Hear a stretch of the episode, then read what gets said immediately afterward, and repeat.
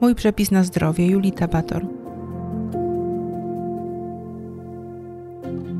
W dzisiejszym odcinku podcastu rozmawiam z panią Justyną Pampuch, dietetyczką, która zajmuje się chorobami jelit, zaburzeniami hormonalnymi i chorobami z autoagresji. Rozmawiamy głównie o chorobie jelit SIBO, ale też o nietolerancji histaminy czy sensowności robienia badań na nietolerancje pokarmowe. Z podcastu dowiecie się też, jaka jest według pani Justyny główna przyczyna tego, że w dzisiejszych czasach tyle osób boryka się z problemami jelitowymi. Czeka Was duża dawka ciekawej i rzetelnej wiedzy. Zapraszam.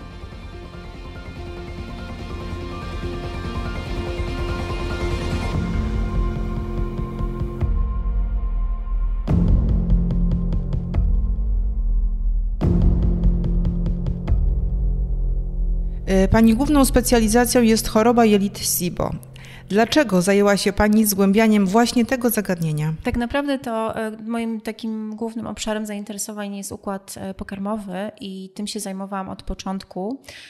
A jeśli chodzi o SIBO, to to wyszło bardzo organicznie. Moja córka 6 lat temu zachorowała właśnie na SIBO i wtedy świadomość, wiedza na temat tej choroby była bardzo, bardzo niewielka w Polsce. E, no i zaczęłam sama się szkolić, sama się e, dokształcać. No i właśnie tak to się zaczęło. E, czy wtedy, e, to, a wcześniej się czym Pani zajmowała? Znaczy też już, już była Pani praktykującym dietetykiem, prawda? Tak. E, ale, ale wtedy Pani pewnie nie miała jeszcze takiego sprecyzowanego obszaru zainteresowań, tak? Tak dobrze tak, rozumiem? Tak, dlatego że SIBO to jest w dalszym ciągu taki temat niszowy, a ja się zajmowałam głównie właśnie chorobami związanymi z układem pokarmowym, z układem hormonalnym i też autoimmunologią. A co oznacza ten skrót SIBO? E, SIBO to jest przerost flory bakteryjnej w jelicie e, cienkim, e, to znaczy, że doszło do rozplenienia bakterii w miejscu, w którym ich nie powinno być. Objawy SIBO. O tutaj jest bardzo długa lista objawów. Najbardziej typowe. Najbardziej typowe, takie swoiste to są wzdęcia, które utrzymują się codziennie, czasami cały dzień, już pojawiają się na czczo u pacjentów. E, bardzo często nawet po wypiciu zwykłej wody e, one zaczynają tutaj się pojawiać. Poza tym oczywiście u niektórych osób występuje biegunka, u innych zaparcie, ale niekoniecznie. Są tacy pacjenci, którzy mają tylko i wyłącznie wzdęcia. I to są te objawy z układu pokarmowego, ale oczywiście tutaj mamy całą listę innych takich już ogólnosystemowych systemowych, jakichś sygnałów i to może być takie przewlekłe zmęczenie, mogą być problemy ze skórą, y, problemy z koncentracją, ze snem, jakieś bóle stawowo-mięśniowe. Y, także no tutaj ta, ta lista jest dosyć, dosyć długa. Jakie badanie należy wykonać, żeby stwierdzić, czy mamy SIBO? E, to jest test oddechowy, może być wodorowy, czyli sprawdzamy jeden gaz, który jest wydzielany właśnie przez bakterie, ale tak naprawdę złotym standardem, jeśli chodzi o diagnostykę SIBO, jest test wodorowo-metanowy i y, oznaczamy sobie stężenie zarówno wodoru, jak i metanu, ponieważ metan jest wydzielany przez archeony. To nie są tak naprawdę bakterie, to są inne mikroorganizmy, ale czasami też dochodzi do Y, rozprzestrzeniania się właśnie tych mikroorganizmów w układzie pokarmowym. I dają podobne objawy, tak jak, jak bakterie. Tak, dają podobne objawy, chociaż e, no, jeśli jest przerost metanowy, czyli IMO, tutaj ten skrót jest inny, e, to bardzo często właśnie pacjenci mają zaparcia. Mhm. Ale nie zawsze. Są, jest taka postać na przykład biegunkowa i też są osoby, które mają właśnie przerost metanowy. Czy da się oszacować, ile procent populacji krajów rozwiniętych może cierpieć na tę przypadłość? Y, nie ma takich dokładnych danych, ale mówi się, że około od 6 do 15% y, populacji zdrowych osób właśnie ma SIBO i 85%, aż 85% osób ze zdiagnozowanym zespołem jelita drażliwego właśnie zmaga się z SIBO. Mhm. A jakie są przyczyny SIBO?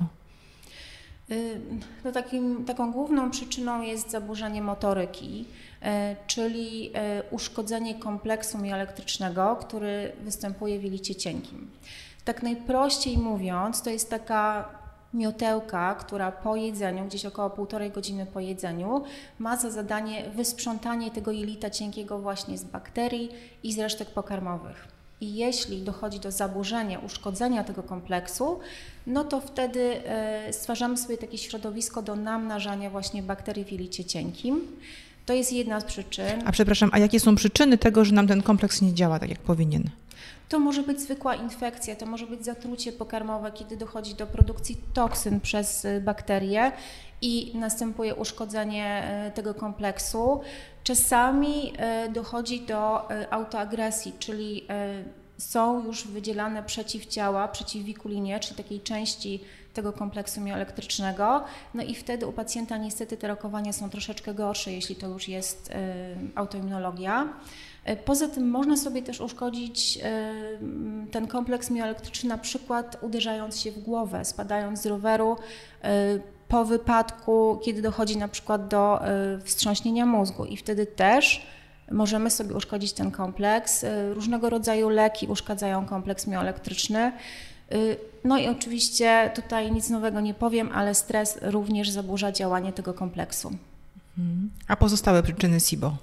No to tak jak już mówiłam, SIBO może być poinfekcyjne, jeśli na mhm. przykład y, mieliśmy zatrucie pokarmowe, biegunki, wymioty y, czy jakiegoś rotawirusa. To jest bardzo często jedna z głównych przyczyn występowania SIBO u dzieci.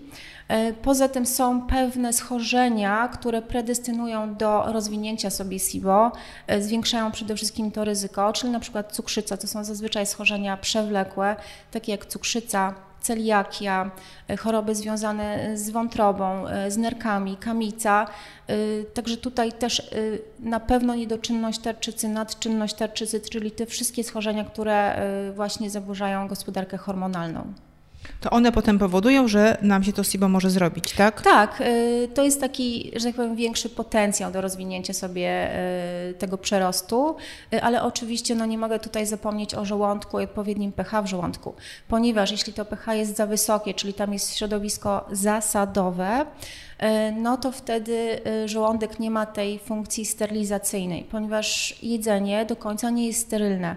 Tam są bakterie i zadaniem mm, żołądka, jednym z funkcji żołądka jest, że tak powiem, dosłownie wybicie, zniszczenie tych bakterii, żeby one się nie przedostawały do jelita cienkiego. A w momencie, kiedy mamy za mało kwasu, czyli to pH jest za wysokie, jest to środowisko zasadowe, tak jak mówiłam, no to wtedy mamy takie otwarte wrota i te bakterie mogą przychodzić do jelita cienkiego i tam się namnażać, kolonizować. I jeszcze ta jedna przyczyna, która, która jest chyba moim udziałem, czyli wzrosty w jamie tak, brzusznej, które ja tak, mam po, tak, po tak. kilku cesarkach. Y, I, podejrzewamy, że to, że to u mnie jest właśnie przyczyną SIBO. Y, tak też może być, prawda? Tak, wzrost, wzrosty wewnątrz otrzewnowe są jedną z przyczyn SIBO, ponieważ dochodzi do zaburzenia E, pracy jelit i przepływu, e, to może być po cesarskim cięciu, to może być po jakiejkolwiek e, operacji właśnie w obrębie jamy brzusznej. Również tutaj takie różne strukturalne zaburzenia mm, w jelicie, na przykład uchyłki, też są taką, takim czynnikiem, który może powodować e, SIBO, e, jak również choroby związane z jelitami, te nieswoiste, zapalne, jak e, wrzodziejące zapalenie jelit i oczywiście choroba leśniowskiego krona. Czy na te wzrosty coś można poradzić? No bo mamy wzrosty, nie pozbędziemy się ich jakoś. Czy, czy, czy w tym momencie już jesteśmy na zawsze skazani na SIBO? To znaczy nie wykluczymy przyczyny SIBO, prawda? Mhm, ono tak. będzie wracać, jeżeli mamy tak. te wzrosty, czy możemy coś z tym robić? Możemy wprowadzić taką terapię wspomagającą, to jest masaż wisteralny, on jest tak typowo dedykowany właśnie y, tutaj w obrębie jamy brzusznej. Y, oczywiście, że to nie jest taki nurt wiodący terapii i leczenia, tylko tak, to jest tylko takie wspomaganie. Mhm. Czy jest jakaś zależność między dwiema bardzo popularnymi chorobami współcześnie, SIBO i Hashimoto? Y, tak, oczywiście jest tutaj e, dosyć silna zależność. E, przede wszystkim, e, jeśli chodzi o SIBO, to te bakterie wydzielają nie tylko gazy, czyli nie tylko na przykład wodór, ale również kwasy i toksyny. E, I te toksyny e, oczywiście obciążają e, wątrobę, a to jest niezwykle istotne, jeśli chodzi o hormony, ponieważ metabolizm hormonów zachodzi też w wątrobie. Więc SIBO może wpływać na przebieg choroby Hashimoto i odwrotnie. Hashimoto może wpływać na SIBO, ponieważ Hashimoto jest to limfocytarne zapalenie tarczycy, czyli mamy do czynienia ze stanem zapalnym. A stany zapalne też mogą właśnie być takim czynnikiem ryzyka rozwinięcia sobie SIBO, czyli tego przerostu flory bakteryjnej w jelicie.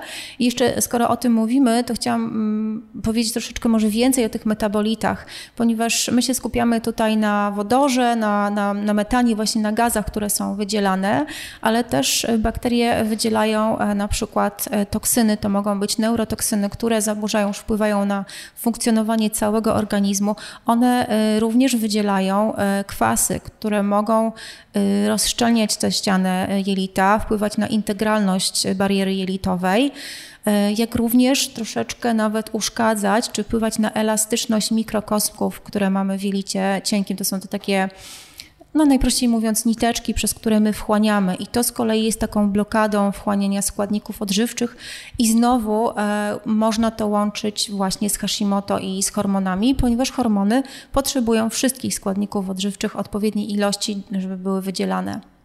Ale jeżeli mamy y, y, to, te, te choroby Hashimoto ustawioną, znaczy mamy leki dobrze dobrane, y, to wtedy też nam to zaburza działanie jelit?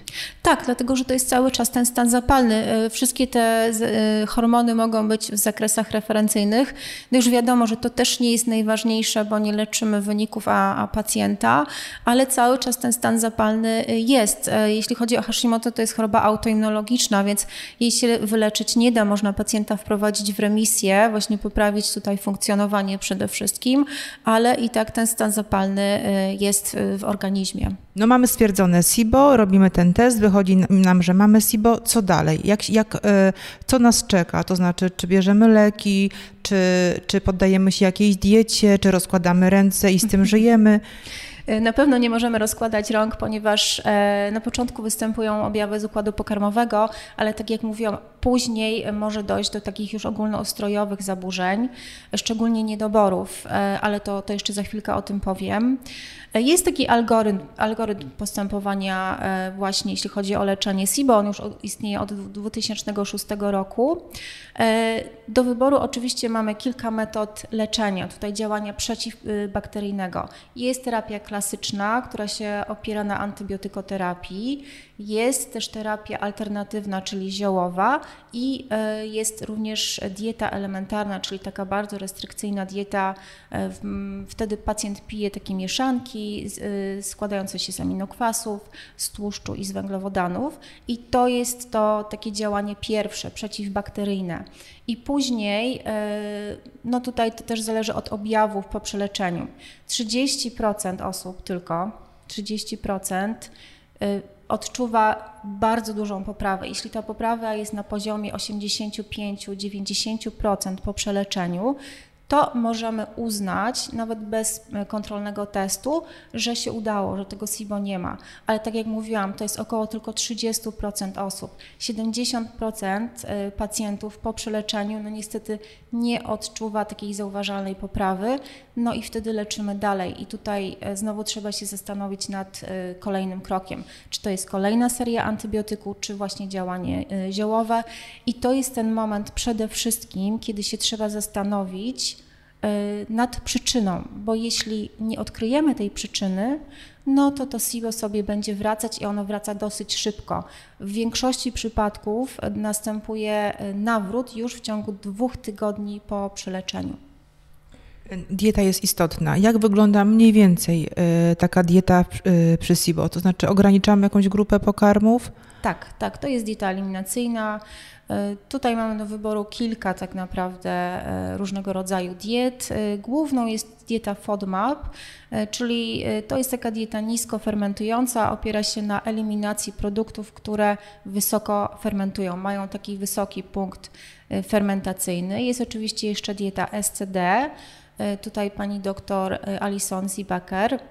I to jest dieta specyficznych węglowodanów, ponieważ główną pożywką, takim paliwem dla bakterii produkujących wodór, wydzielających ten metabolit, są węglowodany, ale na szczęście nie wszystkie.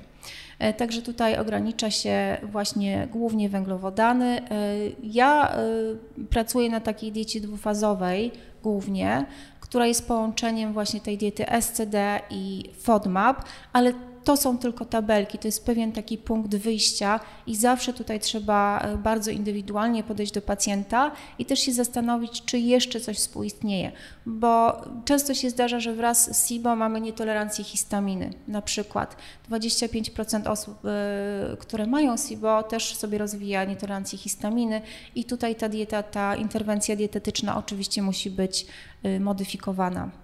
A jakie są takie główne y, objawy tej nietolerancji histaminy? Dwa, trzy? E, to są takie bardzo szybkie reakcje. Na przykład bardzo często pacjenci mają e, takie objawy skórne, czyli jakieś zaczerwienienia wokół ust, swędzenie, zaczerwienienia wokół oczu, takie reakcje na przykład pokrzywkowe, to są właśnie takie główne, ale nie tylko, no też może być zmęczenie, też mogą być biegunki, zaparcia.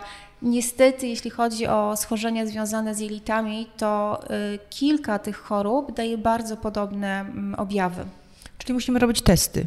Tak, najlepiej sobie robić testy, ale ja zazwyczaj, jak e, wiem, że pacjent ma takie typowe objawy skórne i takie natychmiastowe reakcje, e, no to dla mnie to już jest wskazówka i sygnał, że być może jeszcze jest ta nietolerancja histaminy i coś tutaj jest na rzeczy.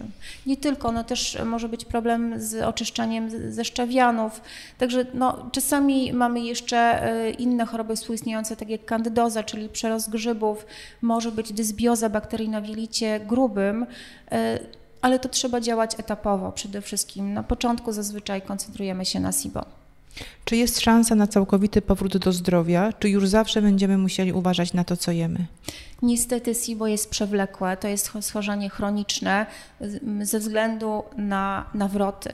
E, najczęściej nawet e, jeśli komuś uda się wejść w remisję na dłużej, to po 8, 9, 10 miesiącach jest nawrót tego SIBO. I tutaj kluczowe jest działanie przyczynowe, czyli przede wszystkim znalezienie e, identyfikacja tej przyczyny i później, jeśli się oczywiście uda, praca nad tą przyczyną, bo czasami, tak jak mówiłam na początku, jeśli dochodzi do zaburzenia tego kompleksu mioelektrycznego i e, jest, są już produkowane te przeciwciała, przeciwwikulinie i mamy do czynienia z autoagresją, no to wtedy ten e, przypadek, ta sytuacja jest zdecydowanie trudniejsza i czasem się zdarza, że pacjenci muszą na przykład przyjmować e, pro, prokinetyki, czyli takie leki, które wspomagają ten kompleks mioelektryczny na stałe. E, czy podczas leczenia też wspomagamy się e, jakimiś szczepami bakterii? Jakieś powinniśmy odstawić? Czy to jest bez znaczenia? Tutaj jest to bardzo ważne, czy stosujemy probiotyki, czy nie. E, nie powinno się stosować probiotyków podczas leczenia SIBO, dlatego że to jest dosyć nielogiczne. My tutaj działamy przeciwbakteryjnie i nie możemy sobie jednocześnie jeszcze kolonizować tego jelita cienkiego bakteriami. Są pewne szczepy, które są w miarę bezpieczne, ale to też zależy od nasilenia objawów danego pacjenta, przede wszystkim od e, stężenia e, ilości tych bakterii. Jednym takim, takim bezpiecznym szczepem jest bifidobakterium, które na przykład występuje w probiotyku tutaj dostępnym w aptekach, czyli w alforexie. I to jest taka bakteria beztlenowa, nie powinna się skolonizować w jelicie cienkim, ponieważ tam jest dla niej za dużo tlenu. Ale nie zawsze, e, niektórzy pacjenci przyjmują już sobie ten probiotyk podczas nawet antybiotykoterapii, ale to naprawdę zależy bardzo mocno od danej sytuacji. Czyli tak zwane usługi czasowe nam wyświadcza ta bakteria, tak? Tak, tak troszeczkę mhm. porządkuje już to, co się dzieje w jelicie grubym, działa delikatnie osłonowo, ale to jest tylko jeden, e, jeden szczep, to nie jest absolutnie wieloszczepowy probiotyk. E, z jakimi najczęściej chorobami współistnieje SIBO? Bo to już było powiedziane, ale może to mhm. jeszcze usystematyzujmy. Mhm. Tak, na pewno celiakia, ponieważ to też jest jelito cienkie. E, na pewno cukrzyca, czyli inne zaburzenia metaboliczne, insulinooporność, Y, przede wszystkim tutaj zaburzenie z układu y, hormonalnego. I to, co ja jeszcze zauważyłam w swojej praktyce, w większości y, na takie choroby związane z układem pokarmowym zapadają kobiety. Y, to jest moim zdaniem 80%. To jest tylko takie moje prywatne zdanie, to co ja obserwuję u siebie w gabinecie, ale w większości właśnie to są kobiety, ponieważ to jest mocno związane z hormonami. Y, tak jak mówiłam wcześniej, też y, wszystkie schorzenia, które właśnie dotyczą wątroby, nerek, takie przewlekłe, choroba leśniowskiego, krona, wrzodziejące zapalenie jelit, to dosyć mocno predysponuje nadczynność, niedoczynność tarczycy. E, a co według Pani jest główną przyczyną tego, że tak bardzo dużo ludzi ma choroby jelit i dolegliwości związane z jelitami? E, no tutaj jest e, to, to banał, ale niestety stres. Jest zresztą jedną z przyczyn SIBO jest też taka duża, intensywna akcja stresowa, stres przewlekły. My jesteśmy mocno przebodźcowani, żyjemy w biegu, cały czas wspomagamy sobie, przez większość dnia wspomagamy ten współczulny układ nerwowy, czyli ten tryb, gdzie my jesteśmy właśnie nastawieni na działanie, cały czas włączeni i wtedy nie ma trawienia. Tylko jeśli przechodzimy do tego trybu takiego spokojnego, czyli wspomagamy sobie przywspółczulny, parasympatyczny układ nerwowy, zaczynamy trawić, bo to jest ten tryb taki rest and digest. Trawimy wtedy, kiedy jesteśmy uspokojeni, to już się zaczyna na etapie głowy.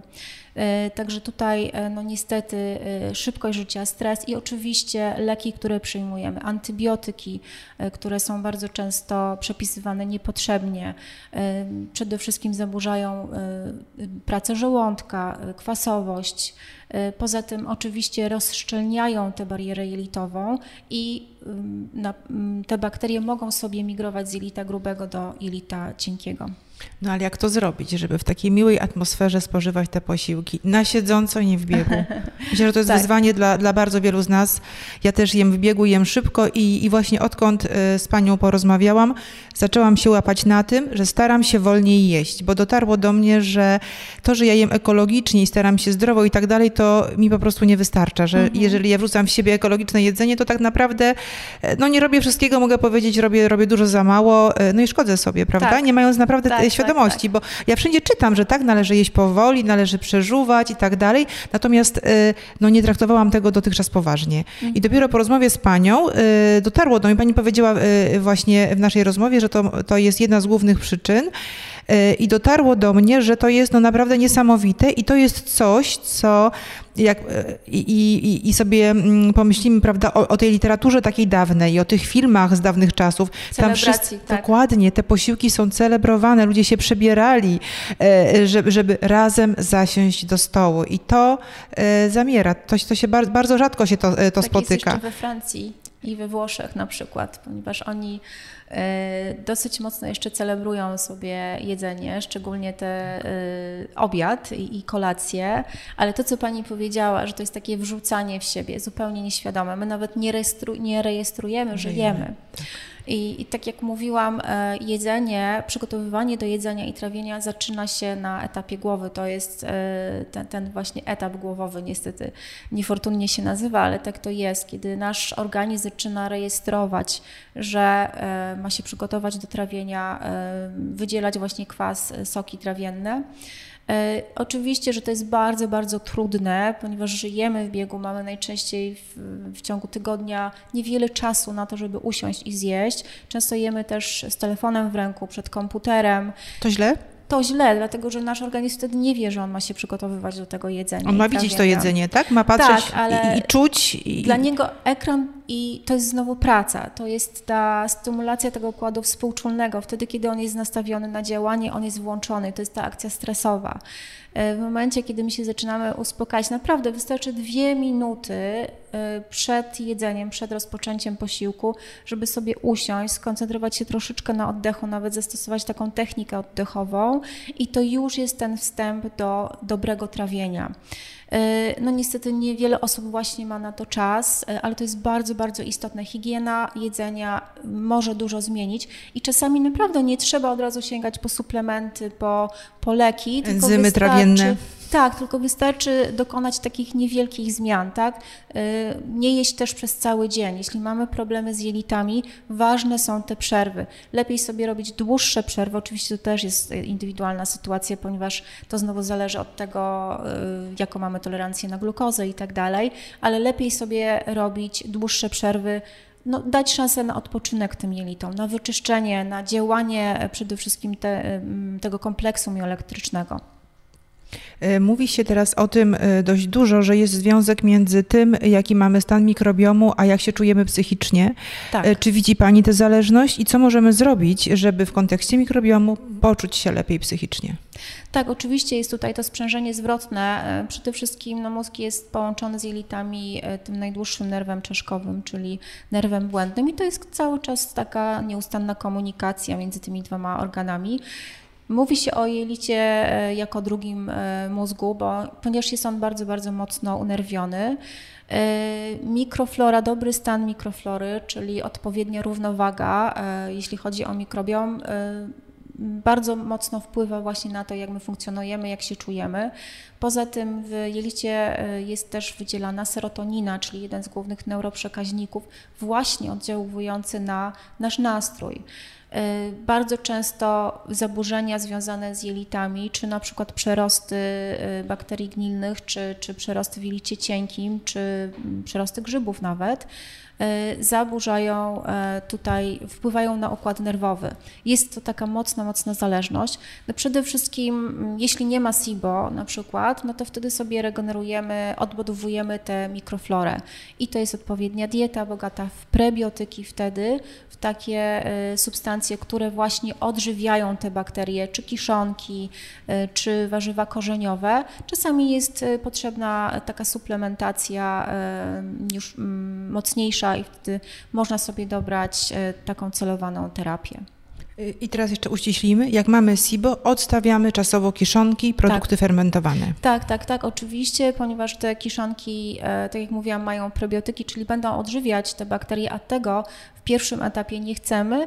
Poza tym to są też produkty wysokohistaminowe, a mówiłam o histaminie i, i czasem właśnie ta nietolerancja współistnieje z SIBO, także kiszonki nie, e, tak samo takie kefiry, które niekoniecznie są takimi produktami dla wszystkich e, zdrowymi. Nie ma zresztą też takiego produktu, który jest uniwersalny i zdrowy dla wszystkich. To wszystko zależy od e, danego momentu, od naszych zdolności e, trawiennych, od kondycji organizmu i przede wszystkim celu, jakiego chcemy e, osiągnąć. No właśnie, bo jeszcze, jeszcze do niedawna na wszystkie dolegliwości jelitowe zalecano kefir, tak z mhm, grubsza, tak. też ewentualnie kiszone ogórki, których ja osobiście jestem fanką. Ja też. I, ale, a tutaj pani mówi, że, że jednak nie w każdym przypadku jest to wskazane. To skąd mamy wiedzieć, czy kiszonki nam służą, czy szkodzą? To zazwyczaj e, e, organizm daje nam sygnały. Jeśli e, mamy jakieś nasilenie objawów, czy większe wzdęcia, czy problemy z wypróżnianiem po zjedzeniu kiszonek, czy nawet takie szybkie reakcje związane z histaminą, no to to już jest taki, taki sygnał alarmowy, że być może te kiszonki w tym momencie nie są dla mnie.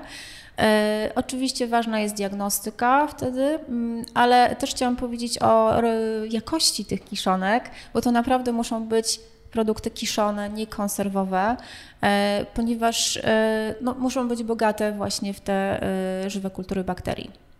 Czyli najlepiej, jak sobie zrobimy je sami, czy, czy, czy możemy kupować tylko z dobrego źródła? Tak, możemy kupować z dobrego źródła. Oczywiście idealnie byłoby, gdyby, gdybyśmy robiły, robili sami, wtedy mamy kontrolę, wiemy, co tam dodajemy, wiemy, jak długo były kiszone. Też jest taki jogurt e, probiotyczny, który sobie można wykonać samodzielnie. E, to jest taki jogurt fermentowany przez 24 godziny i tak zwana bomba probiotyczna, ale oczywiście nie w momencie, kiedy mamy SIBO, bo też się spotykałam z takimi zaleceniami, E, niektórzy pacjenci przychodzili i właśnie robili sobie te jogurty i mieli bardzo, bardzo duże nasilenie objawów. E, mówiąc o mikrobiomie, mamy na myśli nie tylko jelita. E, jakich tak. narządów on jeszcze może dotyczyć? Co jest dla nas istotne, dla naszego zdrowia? Jest jeszcze mikrobiom jamy ustnej i wydaje mi się, że to będzie taki temat na przyszłość, który, który się dosyć mocno już teraz rozwija. E, jama ustna to jest taki początek układu e, pokarmowego, czyli właściwie e, miejsce, które no, powinno być absolutnie wyregulowane pod względem bakterii, tam nie powinno być żadnych przerostów. Zdarza się nawet nieświadomie, możemy mieć jakieś rozprzestrzenienie bakterii patogenicznych, chociażby, nie wiem, w momencie, kiedy jest jakieś zapalenie, stan zapalny dziąsła, stan zapalny, o którym nie wiemy i dopiero to widać e, podczas, podczas zdjęcia czy, czy rentgenu. E, wtedy, jeśli następuje nadkażanie e, bakteryjne, to te bakterie przechodzą do krwiobiegu i to też może powodować stany zapalne i, i właśnie stymulować układ odpornościowy. E, warto dbać o higienę jamy ustnej. E, tam czasami no wiadomo, że są e, bakterie bytują w kieszonkach, tutaj dziąseł i to też powoduje przechodzenie tych bakterii do krwiobiegu. Także mikrobiom jamy ustnej jest no, naszym takim centrum tak naprawdę zdrowia oprócz jelit. No ale co możemy robić? To to znaczy co? Myć zęby, myjemy. Chodzić do dentysty, chodzimy. Coś jeszcze? Tak, no to jest ta higiena. E, przede wszystkim e, e, systematyczne wizyty u dentysty i dieta tutaj też jest istotna, która no nie może być bogata w cukry, musi by, mm, to nie mogą być, to nie może być jedzenie przetworzone.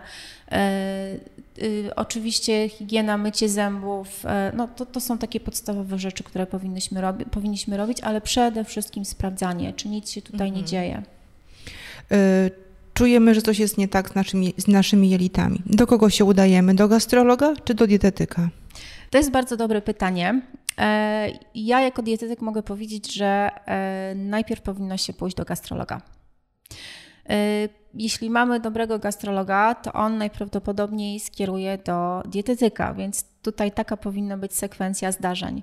E, oczywiście e, no, warto sprawdzać przed, przed udaniem się do lekarza, sprawdzać opinię, czy na pewno to jest osoba kompetentna, która przede wszystkim wie na przykład, co to jest SIBO, czy szuka przyczyny, czy, czy działa tak bardziej systemowo. Czyli najpierw gastrolog, a później dietetyk. Również dobry dietetyk. Jak znaleźć tak. dobrego dietetyka? Powiem z doświadczenia, że nie jest to takie proste. E, to znaczy, jakie cechy powinien on posiadać? Czy możemy na wejściu już wiedzieć, że, że ten ktoś e, nam pomoże, że ten ktoś jest osobą kompetentną? E, no, idealnie byłoby, gdyby to była osoba polecona. E, sprawdzona, ale nie zawsze jest to możliwe. E, teraz już mamy e, na szczęście taką możliwość, że można sobie sprawdzać opinie na różnego rodzaju portalach, o dietetykach również, nie tylko o lekarzach. Przede wszystkim sprawdzać, jakie ma wykształcenie, czy to jest osoba po kursie weekendowym, czy nawet kilku kursach, czy to jest ktoś, kto jednak poświęcił te kilka lat na, na studia, przede wszystkim czy ma licencję, bo wtedy pacjenci czują się zdecydowanie bezpiecznie bezpieczniej.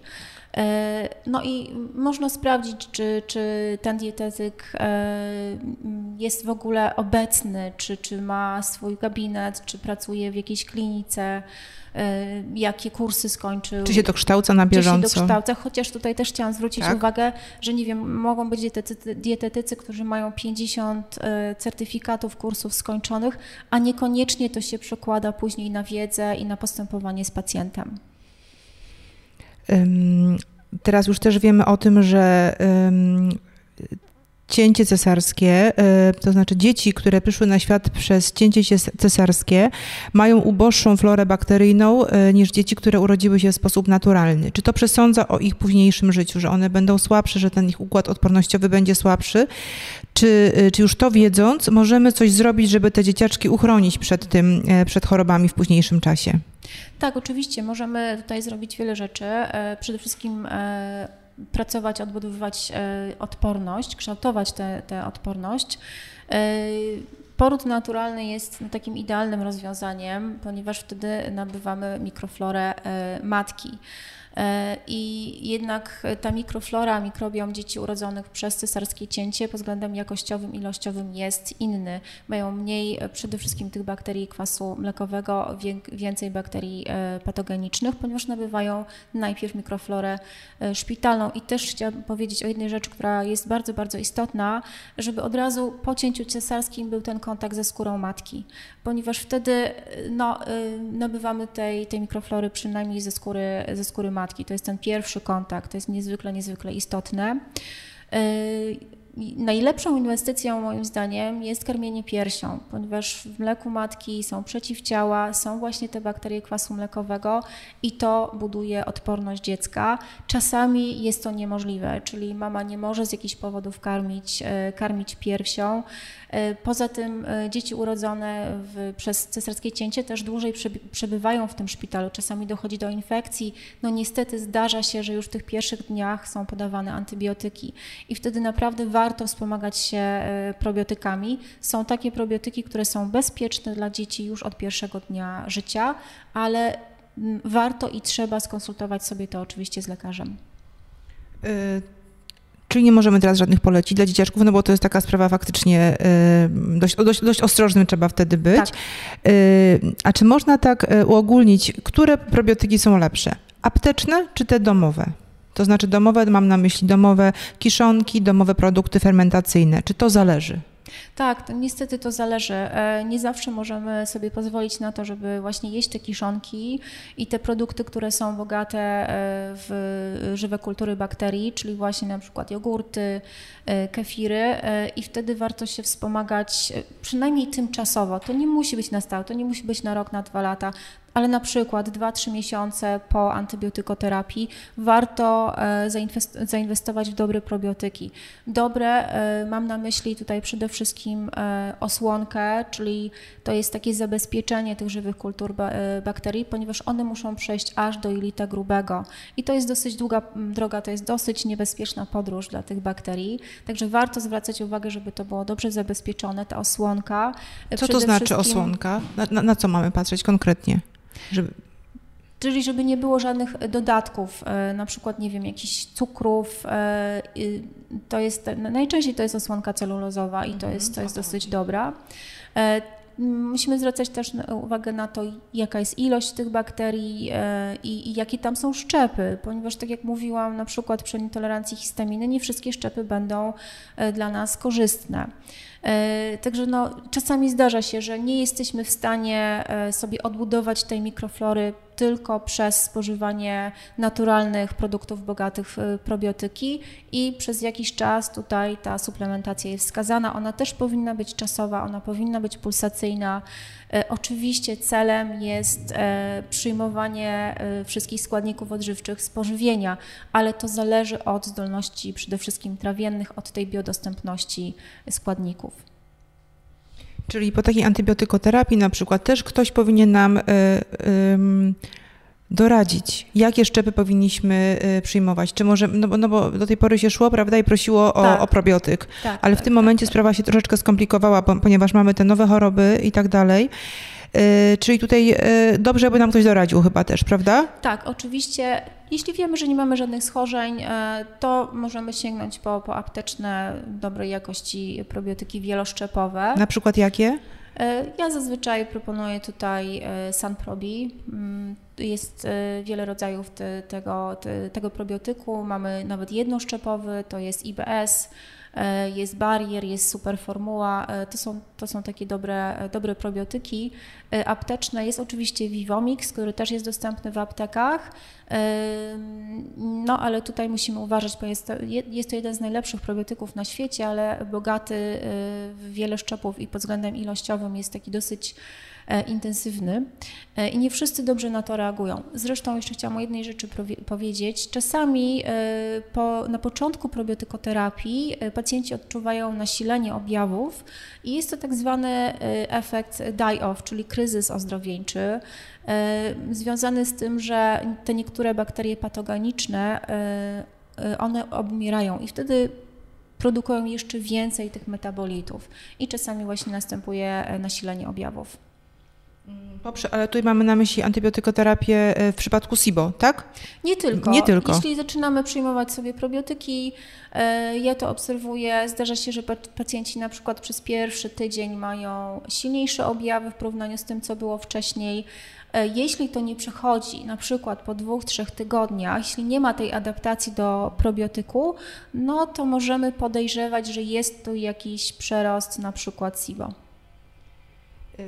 A jeszcze taki, e, to nie jest probiotyk, enterol, co to jest? Tak, to jest e, grzyb probiotyczny Saccharomyces boulardii i on jest zazwyczaj bezpieczny nawet u pacjentów SIBO.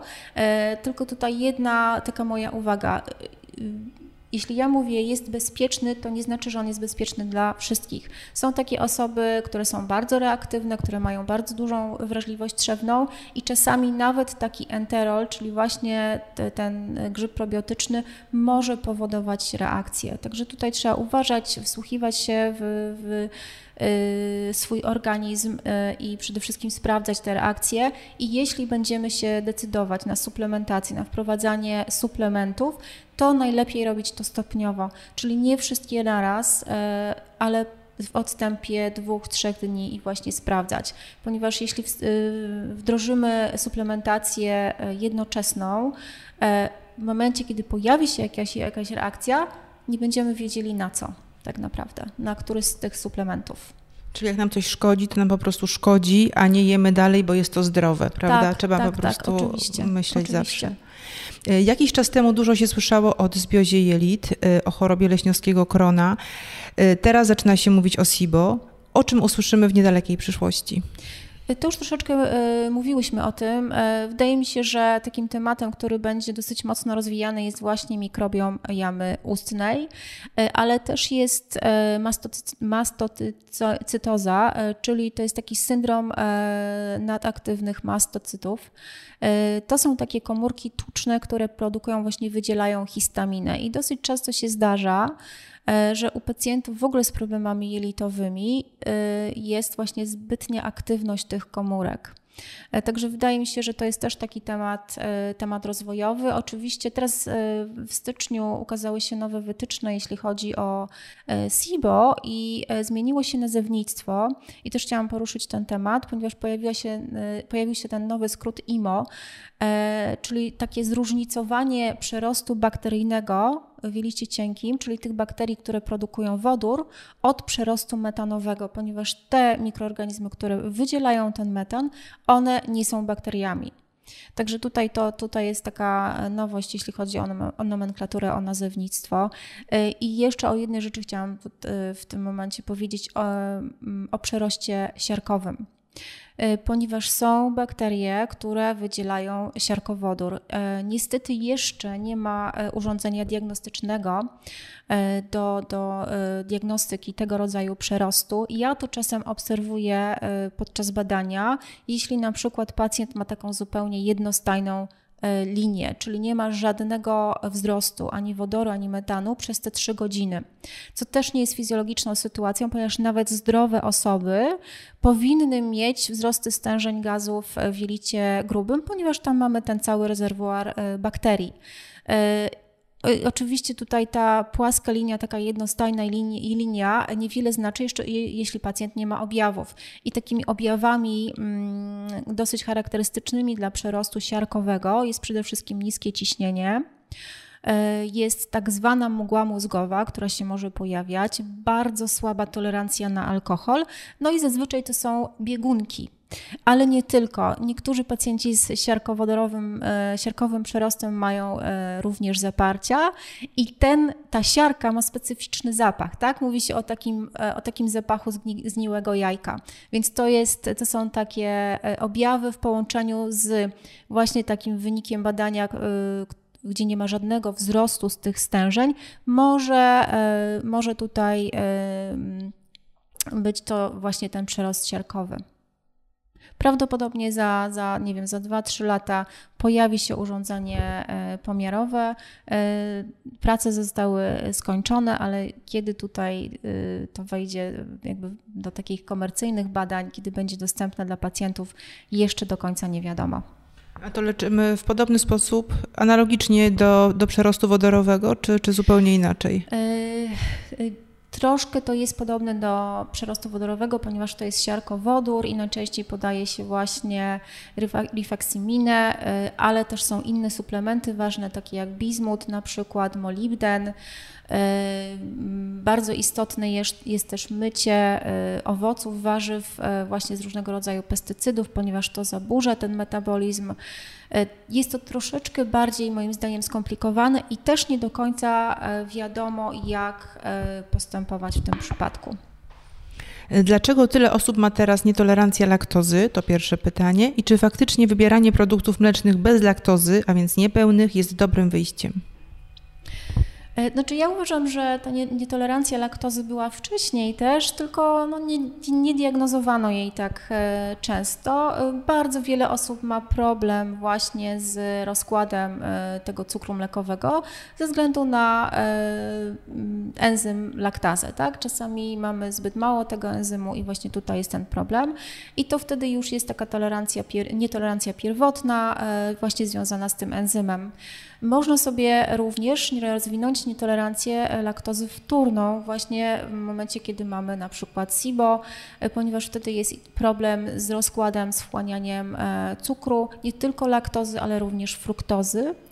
E, niekoniecznie spożywanie produktów bez laktozy przynosi efekty, ponieważ w nabiale są jeszcze inne białka, jest na przykład kazeina, która bywa problematyczna i e, dosyć trudno ją e, strawić, przede wszystkim mm, u osób, które i tak mają problemy trawienne. Ale jak wyleczymy SIBO, to możemy wrócić do jedzenia produktów mlecznych, tak? Jest taka szansa, ale zazwyczaj e, to są osoby, które niestety mają mm, taką słabą reakcję na, na produkty mleczne. Mam takie doświadczenie związane z kilkudniowym pobytem we Włoszech. Był to wyjazd zorganizowany, czyli nie zamawialiśmy tam sami posiłków, tylko było tak zwane żywienie zbiorowe. I co ja tam zauważyłam? E, polegało to na tym, że na obiad serwowano nam najpierw e, zieloną sałatę z jakąś oliwą, e, potem pastę, a na końcu mięso. I mhm, tak. ja na najcodzień prawie w ogóle nie jem mąki. Pszennej to już, to już prawie nigdy i w ogóle odstawiam, odsta bardzo rzadko jem mąkę mąkę. E, no tam będąc na żywieniu zbiorowym e, byłam niejako zmuszona, żeby trochę tej pasty zjeść i nic mi się nie działo. Czułam się fantastycznie i to nie była tylko też e, moja obserwacja, ale też innych osób, które mają podobne problemy jak ja. I pomyślałam sobie, że może tutaj chodzi o, o łączenie albo nie łączenie produktów. I, I teraz moje pytanie: czy łączenie produktów, a raczej nie, nie pewnych grup pokarmowych ma znaczenie dla naszego trawienia i zdrowia? Tak, może mieć takie znaczenie dla niektórych osób. E, pewnie ma Pani na myśli tutaj przede wszystkim węglowodany i białko. E, niestety y, mm, zazwyczaj w jednym posiłku mamy wszystkie makroskładniki, czyli tłuszcze, białko i e, węglowodany, e, a y, mm, białko i węglowodany trochę zaburzają wzajemnie sobie to trawienie. Więc jeśli ktoś ma na tyle czasu, że może sobie pozwolić na takie jedzenie rozdzielne, no to lepiej na przykład sobie zjeść na obiad sałatkę plus jakiś produkt białkowy, czy to będzie ryba, czy to będzie mięso. Jeśli ktoś toleruje strączki, to mogą być strączki i dopiero później e, węglowodany. Bo o tyle, o ile. Przepraszam, później to znaczy kiedy? Na przykład po godzinie. E, o tyle, o ile w jednym produkcie mamy razem e, białko i tłuszcz, no to nie ma takich produktów, gdzie mamy też białko i węglowodany, albo tych węglowodanów jest bardzo mało. Więc jest taka, taka relacja, ale niewiele, niewiele osób może sobie pozwolić na, na taką interwencję dietetyczną pod względem praktycznym i, i czasowym przede wszystkim. E, to byłoby wskazane dla osób chorych, tak, takie, które, dla takich, które mają problem, problemy z jelitami, czy w ogóle taka prewencja, y, bo wtedy lepiej trawimy? Nie, ja myślę, że głównie dla osób chorych. chorych. Kiedy już jest jakiś sygnał, kiedy y, nasz organizm jest y, w gorszej kondycji i wiemy, że no nie mamy takich zdolności trawiennych przede wszystkim, to też może być taka E, taka interwencja powiedzmy na, na, miesiąc, na dwa, tymczasowa, żeby sobie troszeczkę pozwolić na regenerację e, tych jelit, te, układu pokarmowego. E, u niektórych to działa, u niektórych się nie sprawdza. To też zależy od, od wielu innych czynników. No i jest też na przykład to intermittent fasting, czyli robimy sobie takie dłuższe przerwy, dłuższe zdecydowanie posty. E, wtedy e, zazwyczaj spożywamy sobie dwa, dwa posiłki i też niektórzy pacjenci dobrze na to, e, na to reagują. To naprawdę bardzo, bardzo zależy. Zazwyczaj to nie jest taka interwencja na początku, bo, bo, bo to nie jest najłatwiejsze, żeby, żeby tak jeść. My jesteśmy przeważnie przyzwyczajeni do jedzenia 3, 4, 5 razy w ciągu dnia. Albo i częściej. Albo i częściej, albo niektórzy jedzą przez cały dzień, coś tam ciamkają. Tak? Nigdy nie są głodni. tak. O tym dużo powiedziałyśmy, ale może jeszcze tak zbiorczo, jak możemy zapobiegać problemom z jelitami? Bo o tym nigdy za mało. Tak, to jest, taki komplekso, to jest takie kompleksowe podejście. Przede wszystkim dieta. Yy, a właściwie nawyki żywieniowe, bo, bo dieta się niektórym źle kojarzy, to, to jest takie od do, prawda? E, powinniśmy popracować nad nawykami żywieniowymi, które z nami zostają, e, zostaną na całe życie. E, wybierajmy produkty dobrej jakości, czyli bez żadnych niespodzianek, nieprzetworzone. Ja wiem, że to jest trudne. Ja wiem, że my jesteśmy bombardowani e, takim jedzeniem szybkim, zapakowanym i tak dalej, ale jeśli mamy taką możliwość, poświęćmy troszeczkę więcej czasu, no niestety też pieniędzy, bo to się wiąże z finansami i zainwestujmy przede wszystkim w żywność dobrej jakości. E, może niekoniecznie, jak nas boli głowa, to nie bierzmy od razu tego, te, tego leku przeciwbólowego, e, bo to też jest jedna z przyczyn e, właśnie, która wpływa na działanie układu pokarmowego.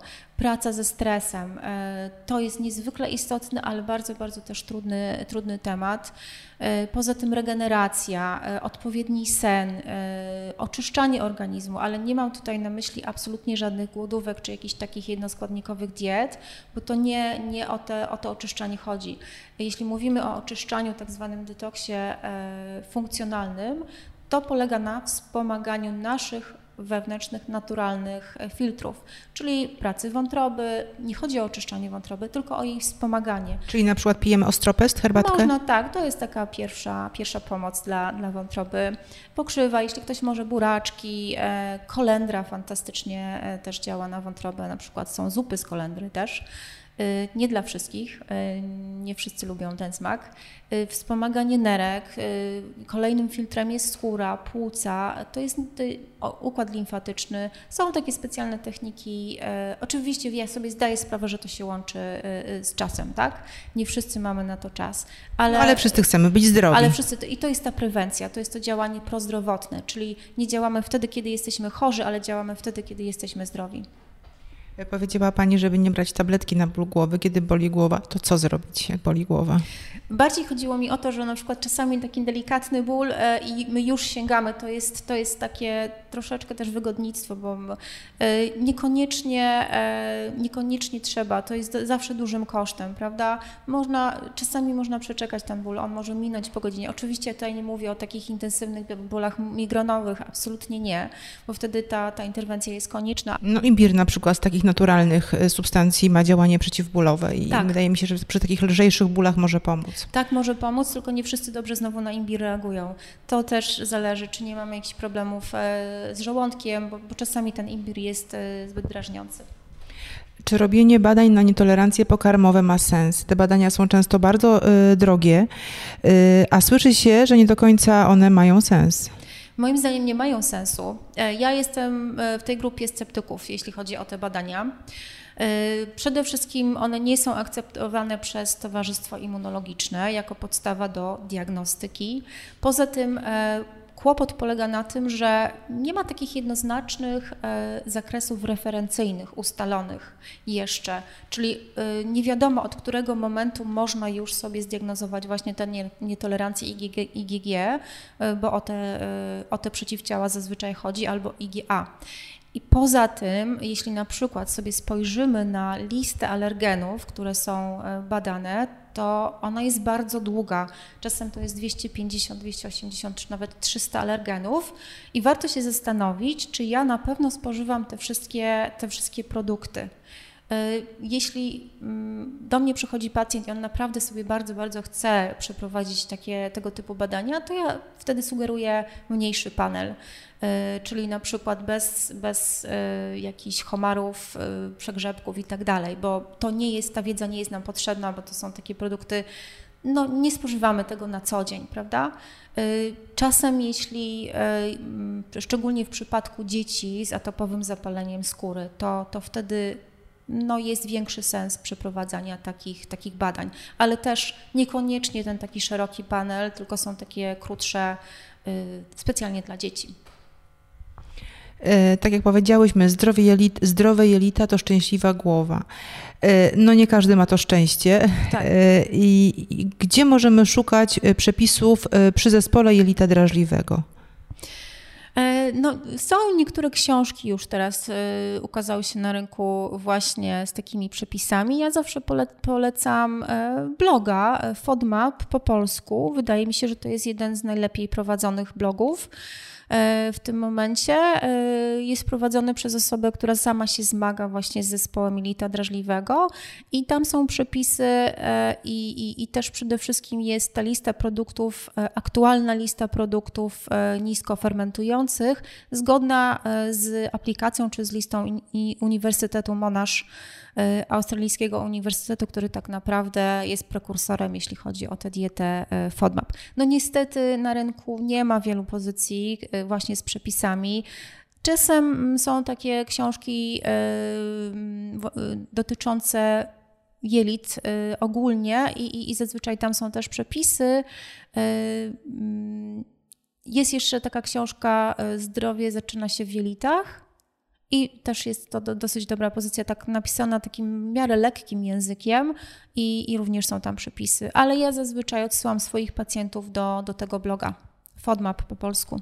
Jeszcze taki temat przepukliny roztworu przełykowego. To, to mhm. y, czy możemy tutaj coś y, powiedzieć, y, jak, jak może sobie pomóc osoba, która się z tym zmaga? Tak, to przypuklina rozworu przełykowego y, polega na tym, że doszło do takiego przemieszczenia się delikatnego żołądka. To jest taka wypustka, taki, taki no, jakby to zobrazować, taki balonik, który, który się tworzy.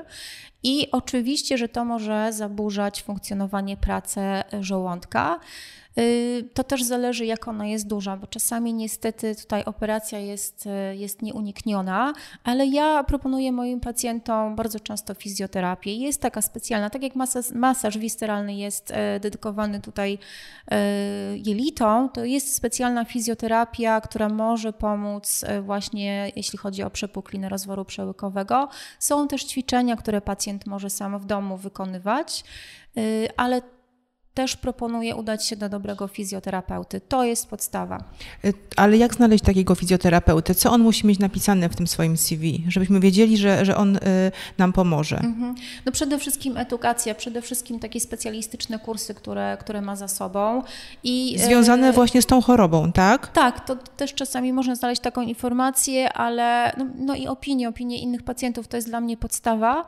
Y, I y, oczywiście mm, no, takie podejście do pacjenta, czy, czy on jest obecny, czy, czy ja go mogę sprawdzić, czy ja mogę do niego y, pójść i, i czy on w ogóle istnieje, tak?